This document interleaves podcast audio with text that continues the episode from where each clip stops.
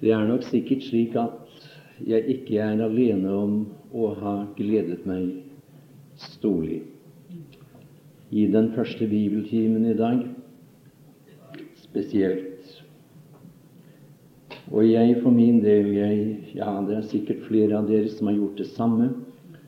Men jeg hadde ikke lyst til å se noe menneske, ikke tale med noen, men bare gå og bøye mine kne og si Gud takk. Og hva var det jeg følte trang å si takk for? Fordi det ennu er noen. De er få, dessverre, men det er noen som forkynner Guds ord uforfalsket. Ja, det er stort.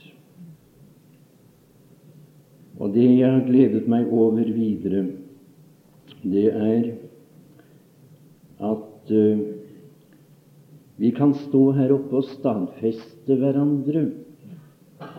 Jeg har vært med etter hvert nå på, på ganske mange bibelstevner, konferanser eller bibelkurs, hva du vil kalle det.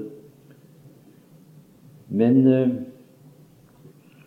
det har ikke alltid vært like godt i så henseende.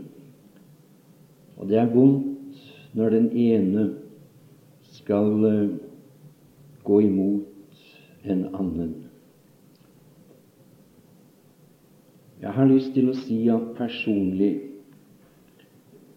så vil det bli et stort savn for meg hvis ikke Herren kommer før til neste år, og Berg-Hansen ikke er iblant oss da. Når jeg sier det, så mener jeg det.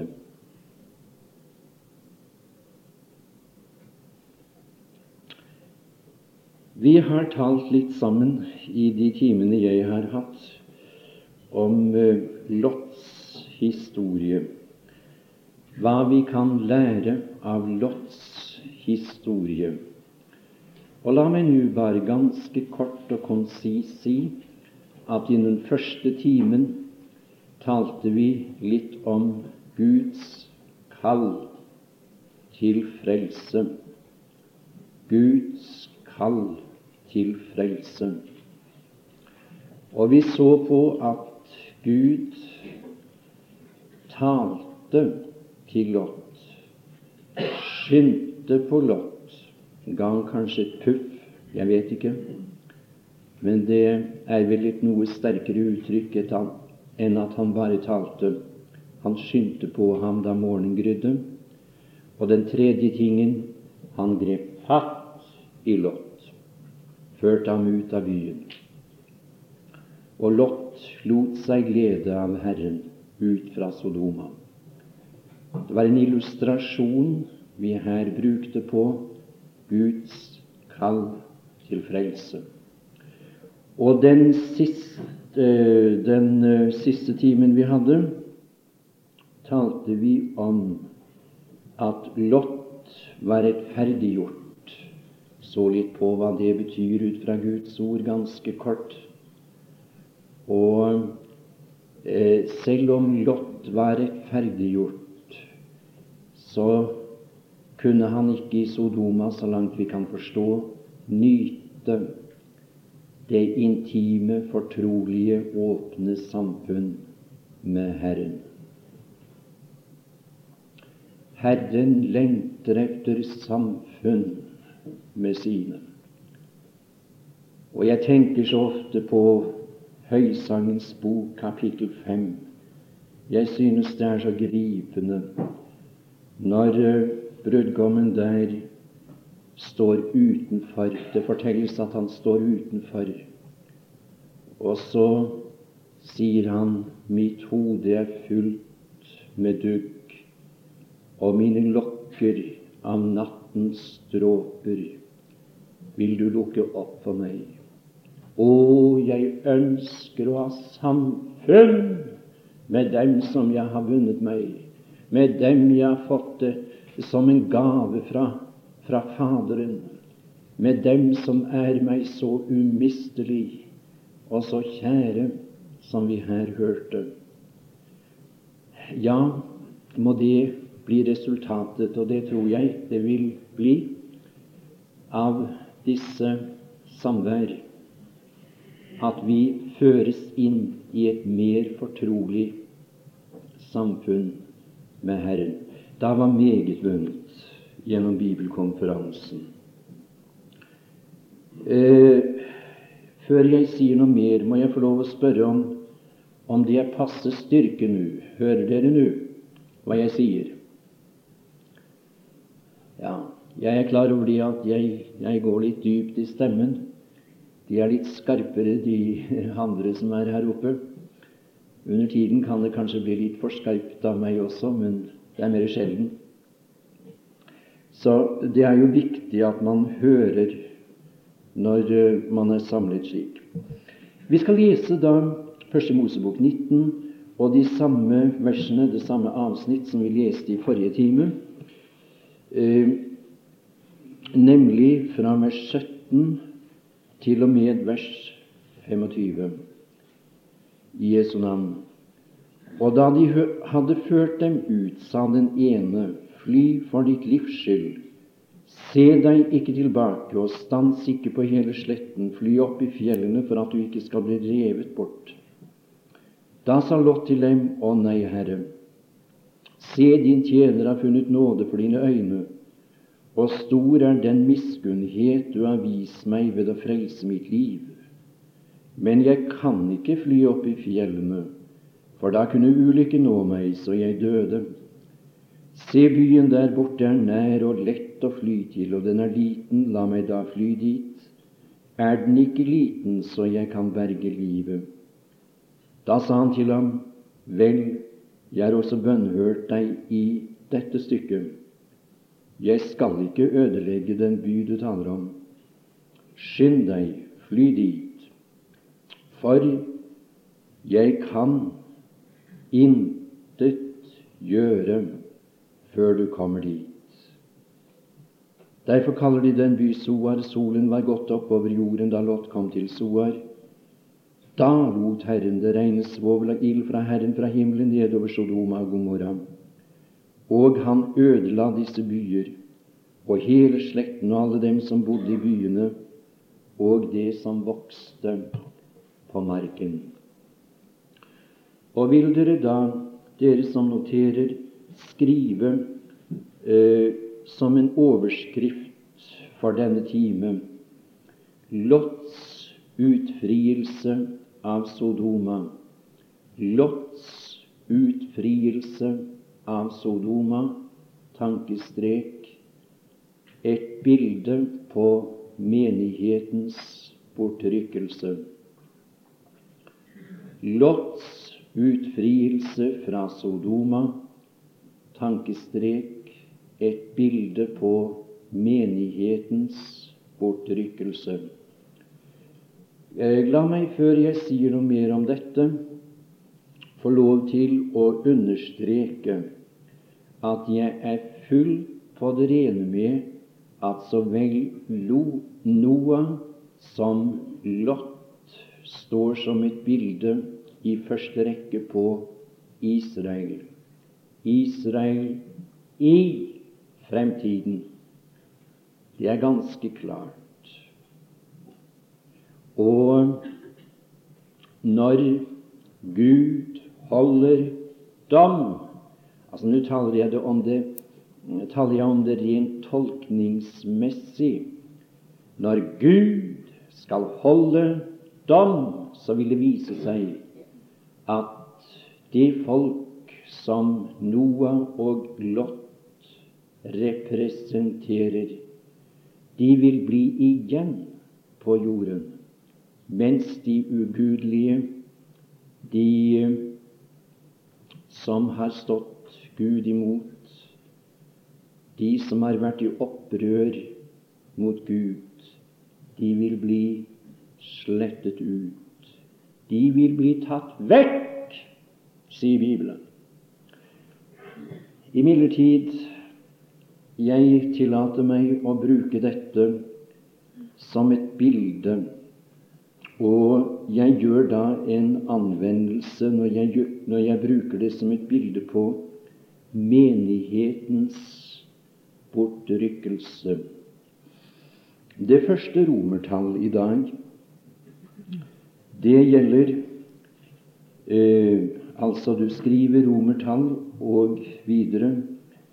Ilddommen over Sodoma er et bilde på Guds dom over jorden under den antikristelige store trengsel. Eh, jeg tror det kan være godt at du tar med det.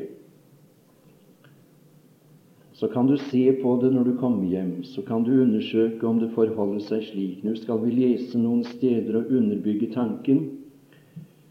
Ilddommen over Sodoma er et bilde på Guds dom over jorden under den antikristelige store trengsel.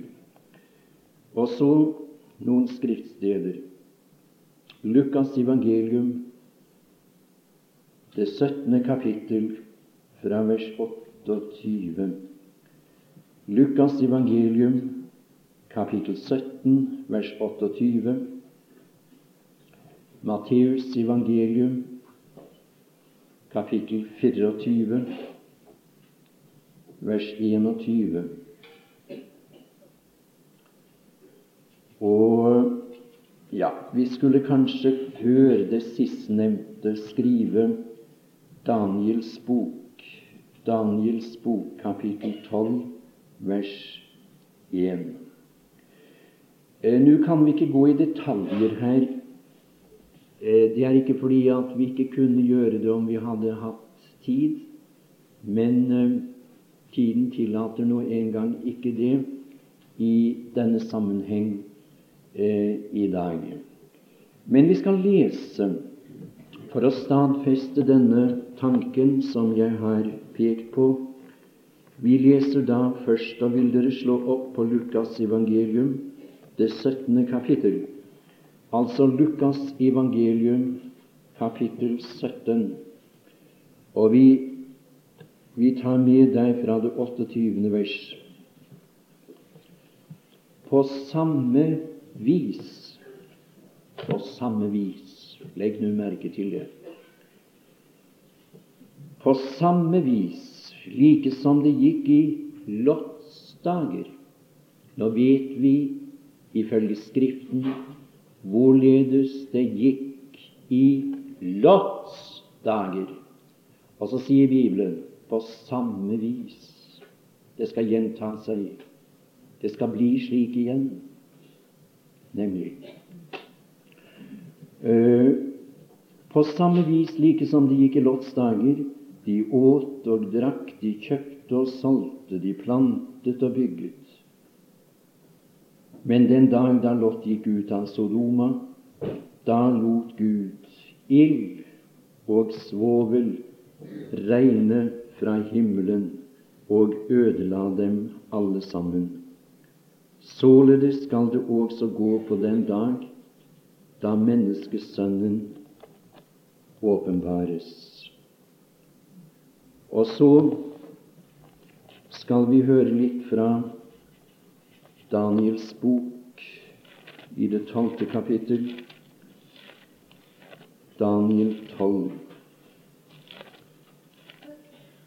Det er noe her som vi skal være oppmerksom på når det gjelder verdensutviklingen. Vi er ikke bare interessert i som Guds folk, som troende, hva vi går i møte, men jeg er meget interessert i hva denne verden går i møte, hva som venter den ugudelige verden. Og det er det disse stedene taler om. Eh, på den tid skal Mikael stå frem, den store fyrste som verner om sitt folks barn. Og det skal komme, legg merke til det, en trengselstid som det ikke har vært fra den dag noe folk ble til, og like til den tid. Men på den tid skal alle de av ditt folk bli frelst som finnes oppskrevet i boken. En trengselstid som ikke har vært fra den tid noe folk ble til, og like til den tid. Og vi får dette stadfestet av Herren i Matteus evangelium, det 21. kapittel, er det 24. kapittel som dere noterte, og det 21. vers. Her kan vi kanskje lese fra det 20. vers, for sammenhengens skyld her litt, og ta med 22 også. Men be at eders flukt ikke må skje om vinteren eller på sabbaten. Det må være ganske innlysende hvis vi leser, hvis vi leser kapittel 24 i Matteus evangelium med eftertanke. Ikke bare sånn flyktig, ikke bare slår opp på måfå og leser ett vers her og ett der, men leser i sammenheng dette kapittel, så må det være ganske klart at her er det tale om ikke menigheten, ikke legeme, ikke Kristi vordende brud, som vi er en del av. Men her er det tale om det jordiske paktsfolk Israel, jødene. Det er dem det tales om her. Eh, hvordan vet du det, sier du, av flere grunner, men la meg bare få lov å peke på men be at eders flukt ikke må skje om vinteren eller på sabbaten. Sabbaten hører Israel til. Og hvis jeg ikke tar helt feil, så vil sabbaten komme inn når menigheten er borte. De skal holde sabbat igjen. Skal de? Og derfor sier Herren Be at deres flukt ikke må skje på sabbaten. Og videre For da Og her har vi da dette stadfestet som vi leste fra eh, Daniels bok til 12. kapittel, vers 1. For da skal det være så stor en trengsel som ikke har vært fra verdens begynnelse inntil nå, og heller ikke skal bli. Det har vært meget trengsel i denne verden.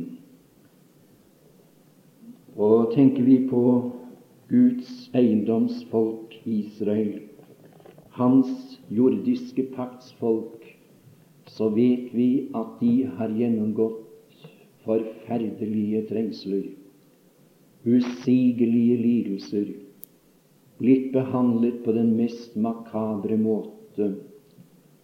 Våre, våre tanker går til Nå er, er, det jo de fleste her er såpass eh, tilårskommet at de vil huske, vi vil huske, eh, den siste verdenskrig, da seks millioner jøder ble utslettet på denne horrible måte. De ble puttet inn i gasskamrene som vi kjenner til. En, en forferdelig trengsel, ikke sant? Allikevel sier Bibelen, og vil du, vil du merke deg det Den verste trengsel ligger ennå foran dem. Den er ennå ikke begynt, men det kommer en tid som karakteriseres slik som betegnes slik i Skriften. Det vil bli en trengsel som ikke har vært fra den tid noe folk ble til, og like til dette skjer. Den antikristelige store trengsel. Da er nådens tidsalder slutt, så langt jeg kan forstå det vil si menighetens tidsalder. Og det, det, er det jeg skal prøve å, å peke på i den bibeltimen. Da handler Gud i dom. I dom. Og vi skal se at som det regnet ild over Sodoma og Gomorra hin gang, vil det regne ild over denne verden under den antikristelige trengsel. Noter deg Åpenbaringens bok, det 16. kapittel. Åpenbaringens bok, kapittel 16 og vers 7 til 8 Ja, vers 7 til 9. Og jeg hørte alteret si Ja, Herre Gud, du allmektige, sanne og rettferdige er dine dommer. Og den fjerde engel tømte sin skål ut på solen, og den fikk makt til å brenne menneskene med ild. Legg merke til det. Fikk makt til å brenne menneskene med ild. Det er uhyggelig.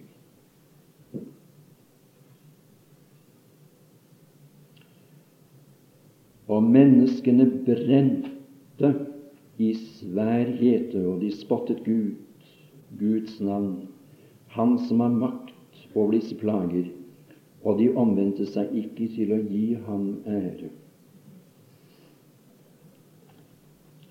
Det er den tiden, det er denne epoke, så langt jeg kan se, som nå forestår.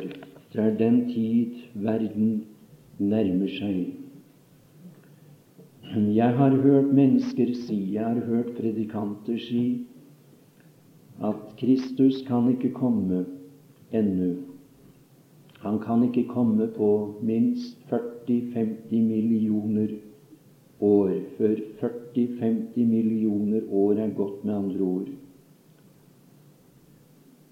For det er så meget som må skje før Herren kan komme og bortrykke menigheten.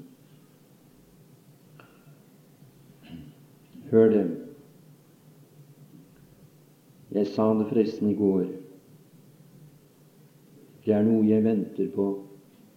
Det er noe jeg, jeg regner med kan skje hva tid som helst.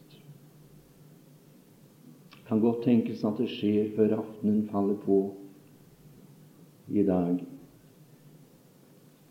At Herren har rykket oss opp, skal møte Ham, konfronteres med Ham så har jeg så ofte tenkt hva vil jeg si når jeg møter ham? Først og fremst vil jeg si takk for Golgata.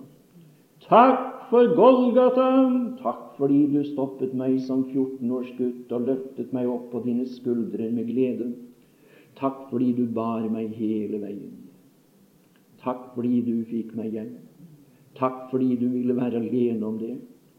Takk fordi at jeg skulle slippe å stå deg til assistanse hva denne sak angår frelst like inn i herligheten.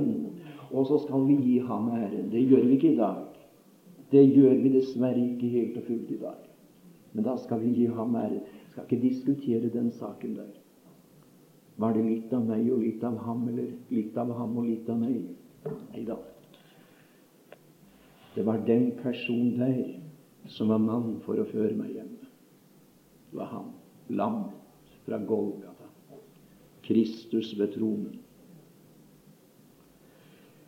Jeg tror han kan komme hva tid som helst, som sagt. Og jeg har fått løfte på at han skal fri oss ut fra den verden.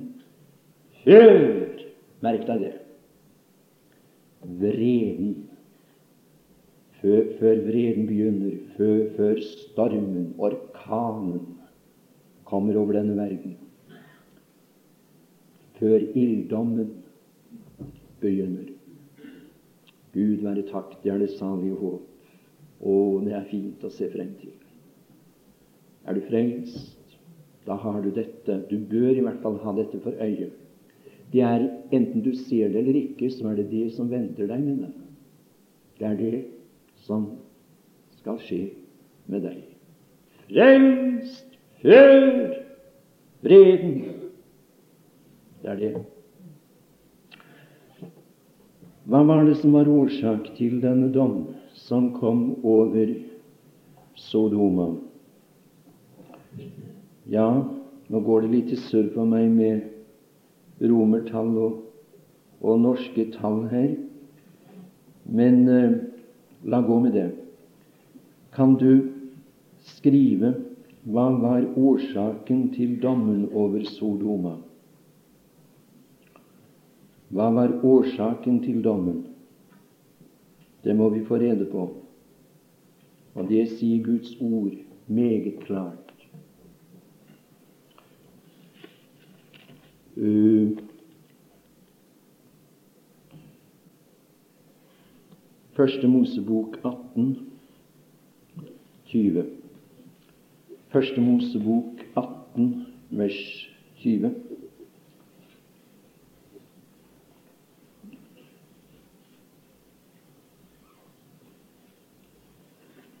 Første Mosebok 19,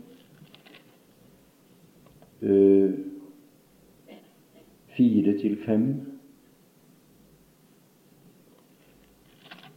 Romebrevet 1, 27, tror jeg da. Skal vi se litt. Romebrevet 1, 26 og 27.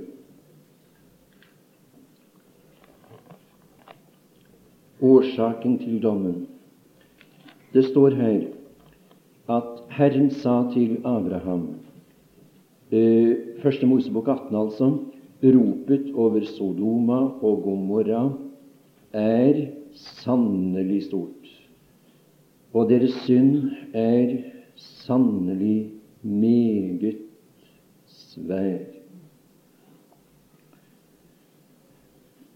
Hva var den mest fremtredende synd i Sodoma? Har du tenkt på det?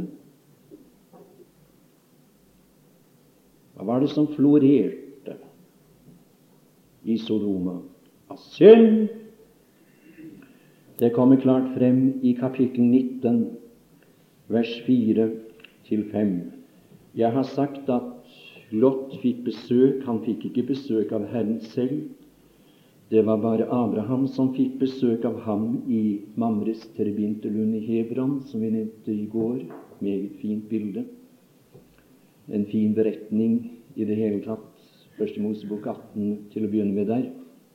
Men eh, eh, de to engler kom til Lot. Herren hadde trukket seg. Legg merke til det. Herren hadde trukket seg det taler om et brutt samfunn. Brutt samfunn.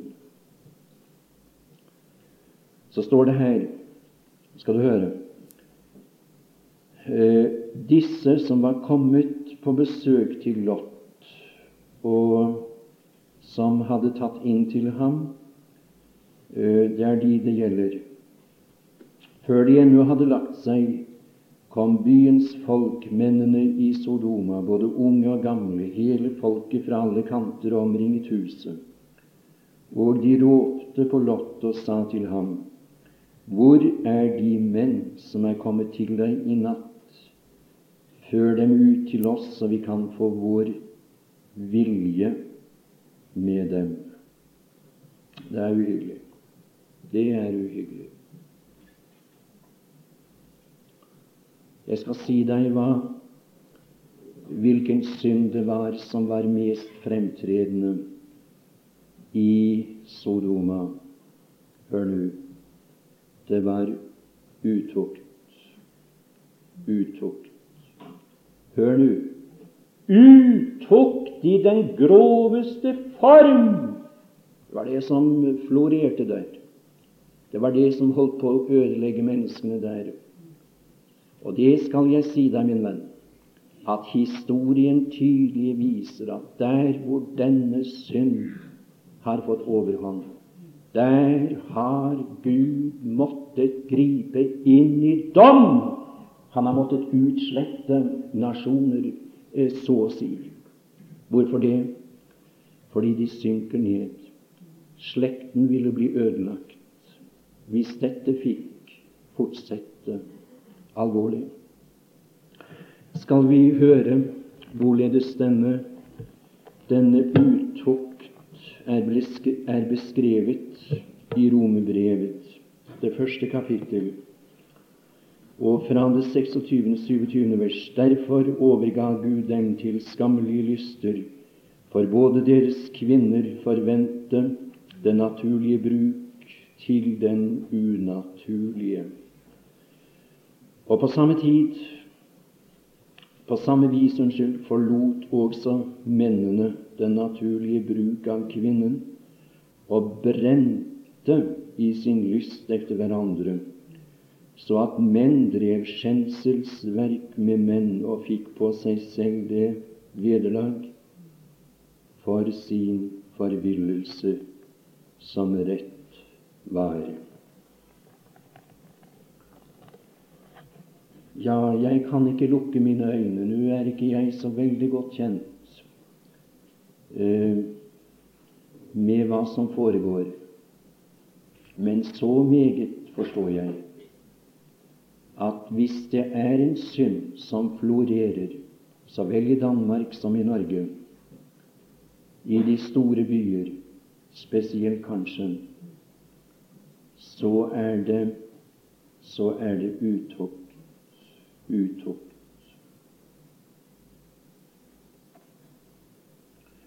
Det er på trappene at det skal legaliseres, dette med ekteskap av, mellom mennesker av samme kjønn til like.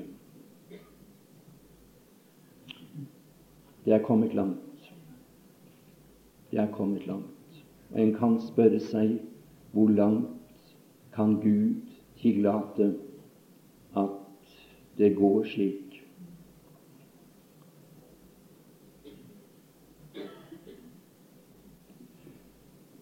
Jeg, jeg, ser ikke bort fra at det har vært slike ting før, som jeg allerede har antydet. Det viser nemlig historien. Men jeg betviler at det har vært slik tidligere som det er i dag.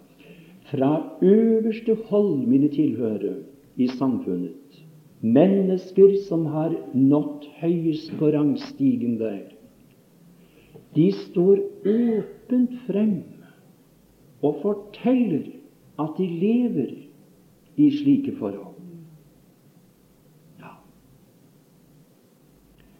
Synes du det er eh, en utvikling som, eh, som uh, taler i fordel uh, til fordel for dem som mener at det skal bli bedre? Verden skal bli bedre, verden skal modnes for Kristi gjenkomst. Syns du det? Jeg skal si deg, min venn, hva Bibelen sier. Verden modnes til dom, til dom, til dom. Jeg tror det er bare tidsspørsmål når antikristen kommer frem, viser seg, kaster masken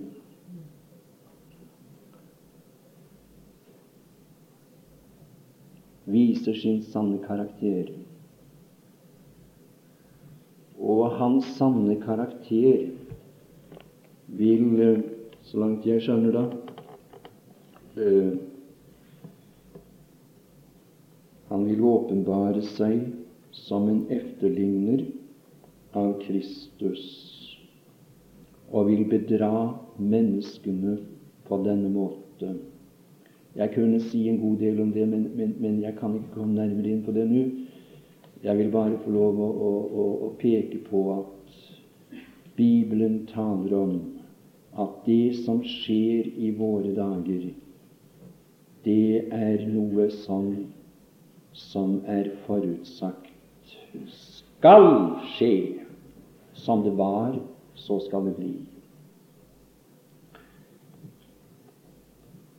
Men Gud være takk før stormen bryter løs. Og, og vil, du, vil, du, skrive også det Nå skal vi se. Vi tar med det er Guds prinsipp å frelse den troende, den rettferdige, før dommen rammer de ugudelige. Det er Guds prinsipp. Det har det vært, og det er det. Gud være takk. Guds prinsipp å frelse den rettferdige før dommen går over den ugudelige. Det er det vi ser her i Første Mosebok, det 19. kapittel, og det går, det går igjen og igjen i Skriften. Vi skal lese et vers fra profeten Sajas, det 27. Kap 57. kapittel. Profeten Sajas, det 57. kapittel. Og det er det første vers. La meg bare lese den siste delen der. Hør det. Den rettferdige rykkes bort før ulykken kommer. Før. Før ulykken kommer. Det behager Herren å rykke den, den rettferdige vekk før freden begynner. Før dommen går over verden. Og det sier også Det nye testamentet. Jeg har lyst til å lese noe som er veldig kjært for meg personlig nemlig fra Romerbrevets femte kapittel og niende og tiende vers. Jeg skal lese det på en litt uh, spesiell måte, dette nå. Uh, første del av vers 9. Så meget mere skal vi da, efter at vi nå er rettferdiggjort ved Hans blod, vi er rettferdiggjort ved Hans blod. Første del av vers 10. For så, for så sant vi ble forlikt med Gud ved Hans Sønns død, da vi var fiender. Rettferdiggjort ved Hans blod. Forlikt med Gud ved Hans død. Det er den frelse som vi ser tilbake på det er det som er skjedd for hver enkelt som tror på Kristus. Frelst ved hans død er det som er omtalt her. Men det er en annen side ved frelsen. Det er frelse i en annen betydning her. La oss lese vers 10, siste del.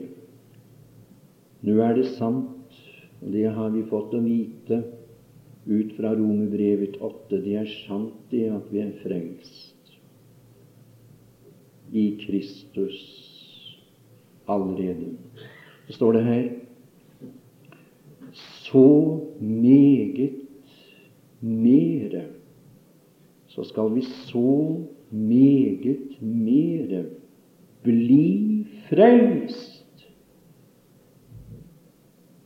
ved vårt liv. Nei, men det trodde jeg lenge. Det var jeg brakt til å tro. Og det vrimler av mennesker rundt om i, i, i landet vårt i dag som, som, er brakt til å tro det, som, som regner med det. Det er ved mitt liv jeg skal bli frelst. Det er ved mitt liv jeg skal, skal komme igjennom. Det er akkurat som om Gud, som vi hørte her, han frelste oss av nåde da vi kom som en synder, da vi var fiender. Da frelste han oss av blank nåde. Men da han hadde utført dette, og vi, vi var blitt hans, vi var blitt troende, vi var blitt frelst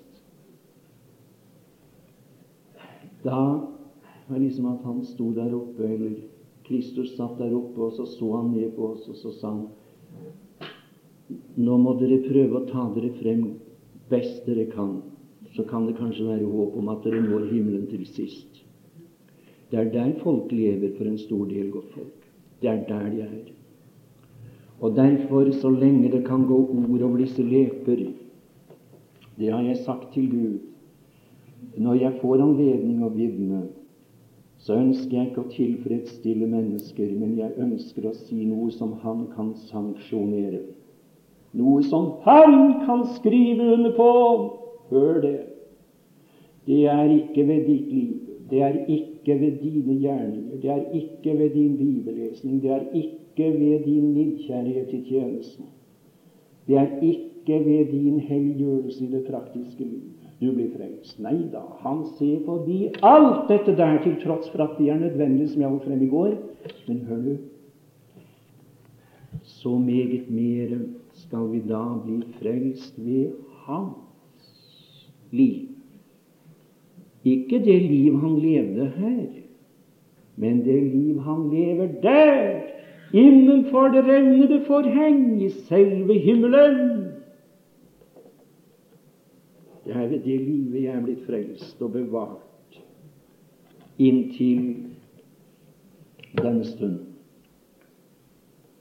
Når jeg kommer hjem, så skal jeg takke ham for det på bedre vis enn jeg kan i dag må jeg få lov å si det slik Kristus har satt sitt liv og sin tjeneste inn på å få den stakkaren som står her, velberget innenfor perleportene.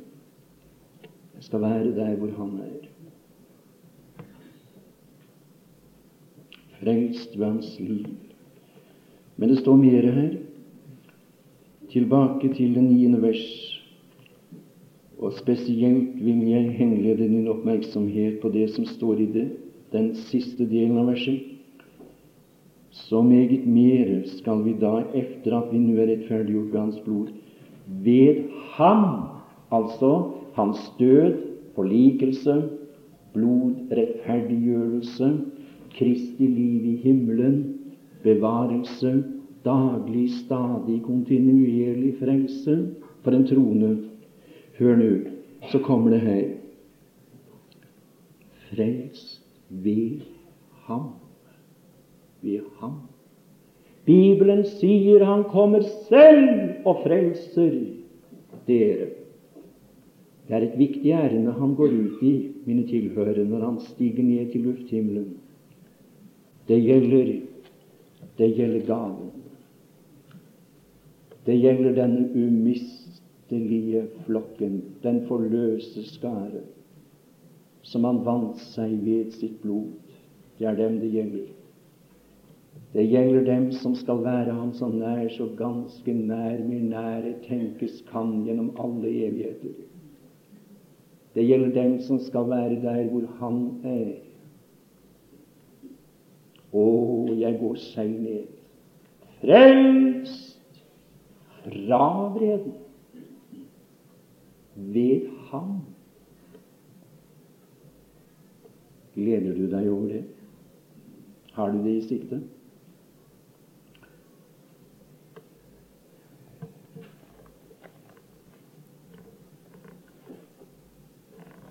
Ja, jeg har da visst noen minutter igjen her.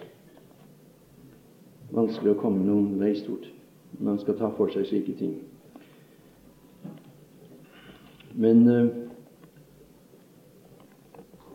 jeg tror vi må lese i hvert fall Første Tessalonikerbrev 1, vers 10. Og Første Tessalonikerbrev 5, vers 9. For selv forteller de om oss hva inngang vi fikk hos eder, og hvorledes de vendte eder til Gud fra avgudene for å tjene den levende og sanne Gud. Vers 10. Og vente på Hans Sønn fra himlene, som han oppvakte fra de døde, Jesus, han som frier oss fra den kommende vrede. Frir oss fra. Sett en strek under de ordene hvis du ikke har gjort det før. Frir oss fra den kommende vrede. Og i kapittel 5 vers 9 samme brev For Gud bestemte oss ikke til vrede, men til å vinne frelse ved vår Herre Jesus Kristus. Ikke til vrede. Nei, det var ikke det han planla for oss. Det var ikke vrede, men det var frelse. Så det er det vi ser frem til, ikke til dommen, som vi hørte i går aftes så fint. Kommer ikke til dom, sier Bibelen. Men vi ser frem til at vi skal møte ham i karakter av frelser og brudgom og venn.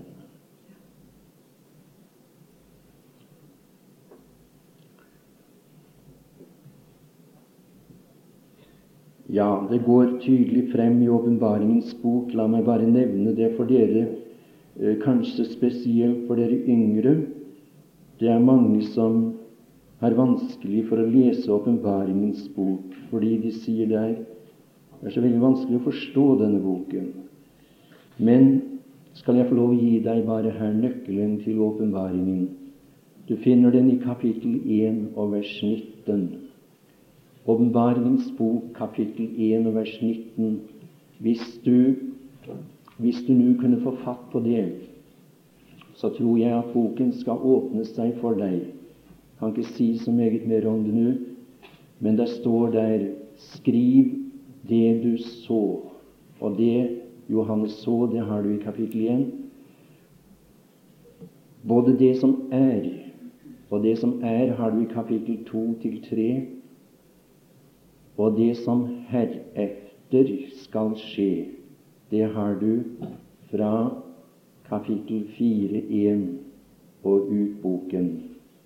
Det er, så langt jeg vet, nøkkelen, i hvert fall har det vært det for meg, nøkkelen til åpenbaringens bok.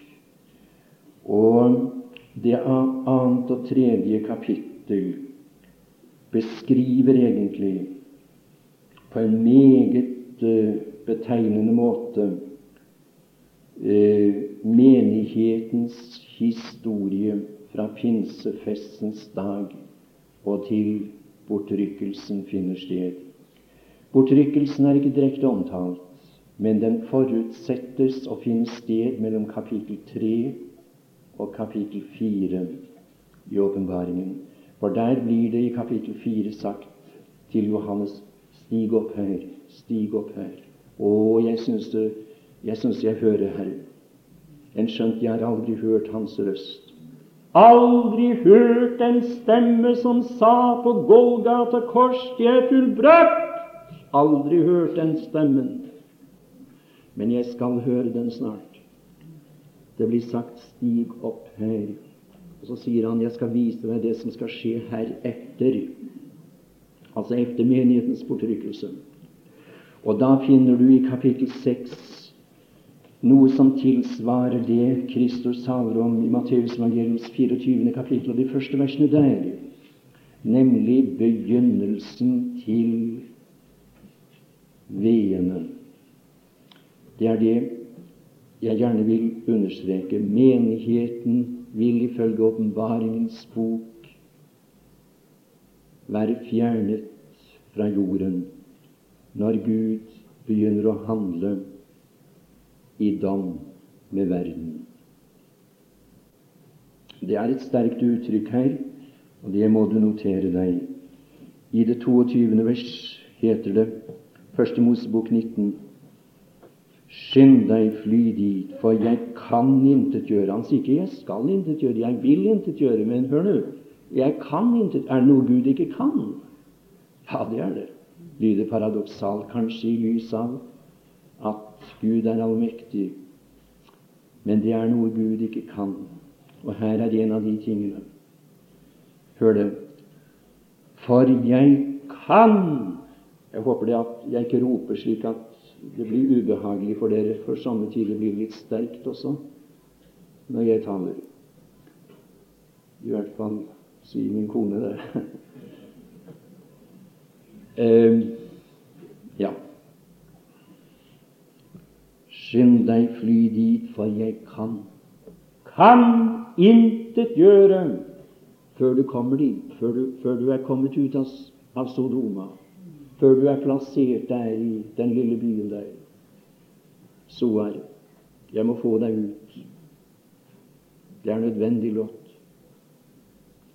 Og, og, og da, da regnet det med svovel og ild fra, fra himmelen. nedover Sodoma og Gomorra. Han ødela byene.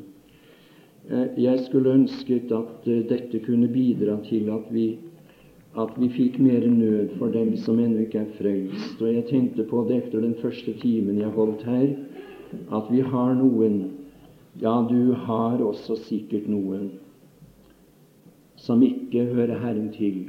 Og jeg vet ikke om det er riktig å si det slik, men på samme tid som jeg venter på Herren, så er det noe som demper forventningen. Det er dem som ennå ikke er frelst, som jeg så gjerne ville ha med hjem.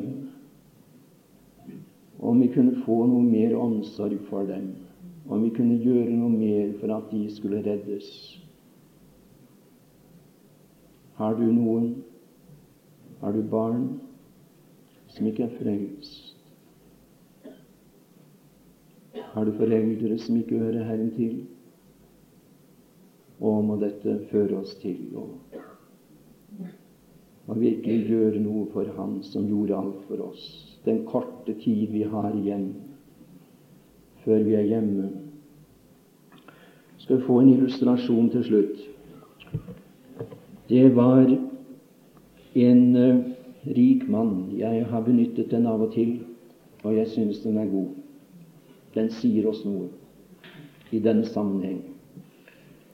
Det var en, en, en rik herre som kjøpte et ganske stort område hvor det var, var et bygningskompleks, men dette det var meget gammelt, meget gammelt, så å si falleferdig. Han kjøpte dette området, og i en av disse bygningene der bodde en eldre, enslig kvinne. Denne var en god venn av den rike mannen som hadde kjøpt bygningene. Og eh, en dag så kommer han på besøk til sin venn. Og idet han kommer inn der og blir sittende og tale litt med henne, så sier han, 'Jeg har en nyhet å fortelle deg i dag.' Nå, hva er det, sier hun.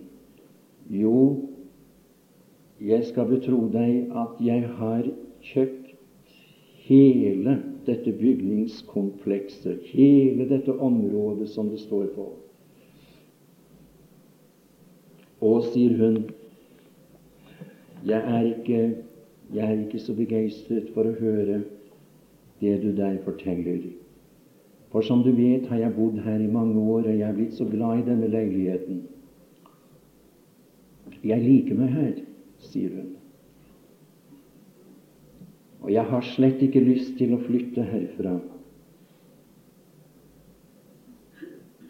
For han hadde nemlig også nevnt for henne at han hadde planer om å rive ned det hele og bygge et, nytt kompleks.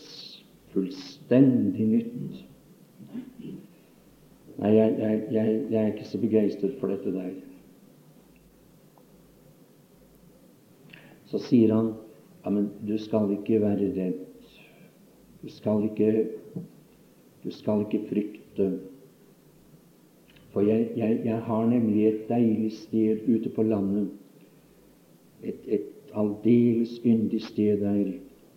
Og der har jeg tenkt at du skal være når rivingen foregår. Og så sier han før han går den dagen Jeg skal selv komme og hente deg, og det skal ikke løses en eneste sten i bygningen her hvor du bor og har din leilighet, før jeg har fått deg ut herfra. Og denne, denne kvinne, hun tenker naturligvis på sin venns gode ord og løfter. Jeg kommer selv og henter deg, og det skal ikke skje noe før jeg kommer. Og Somme tider så ser hun ut i, gjennom vinduet, og hun tenker Kommer han ikke snart? Kommer han ikke snart?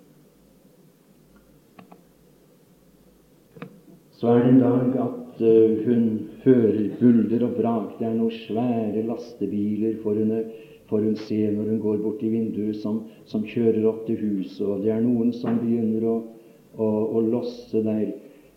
Det er, eh, det er spader og hakker og stillaser og forskjellige ting. Og så begynner de å reise dette.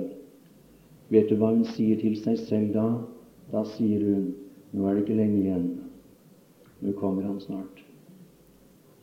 Nå kommer han snart. Jeg vet ikke, jeg. Kan du se det? Kan du se stillasene som reises i dag i verden? Kan du se det i forbindelse med Israel? Kan du se det i forbindelse med araberne? Kan du se det i forbindelse med gjenopprettelsen av eh, det romerske riket, som tydelig nok forestår? Jeg synes ikke at det kan være tvil. Her har du stillasene, og jeg hører eh, raslingen av spadene, av hakkene, av de forskjellige redskaper når jeg lytter til i dag. Hva er det? Hør du. Rivingen skal snart begynne.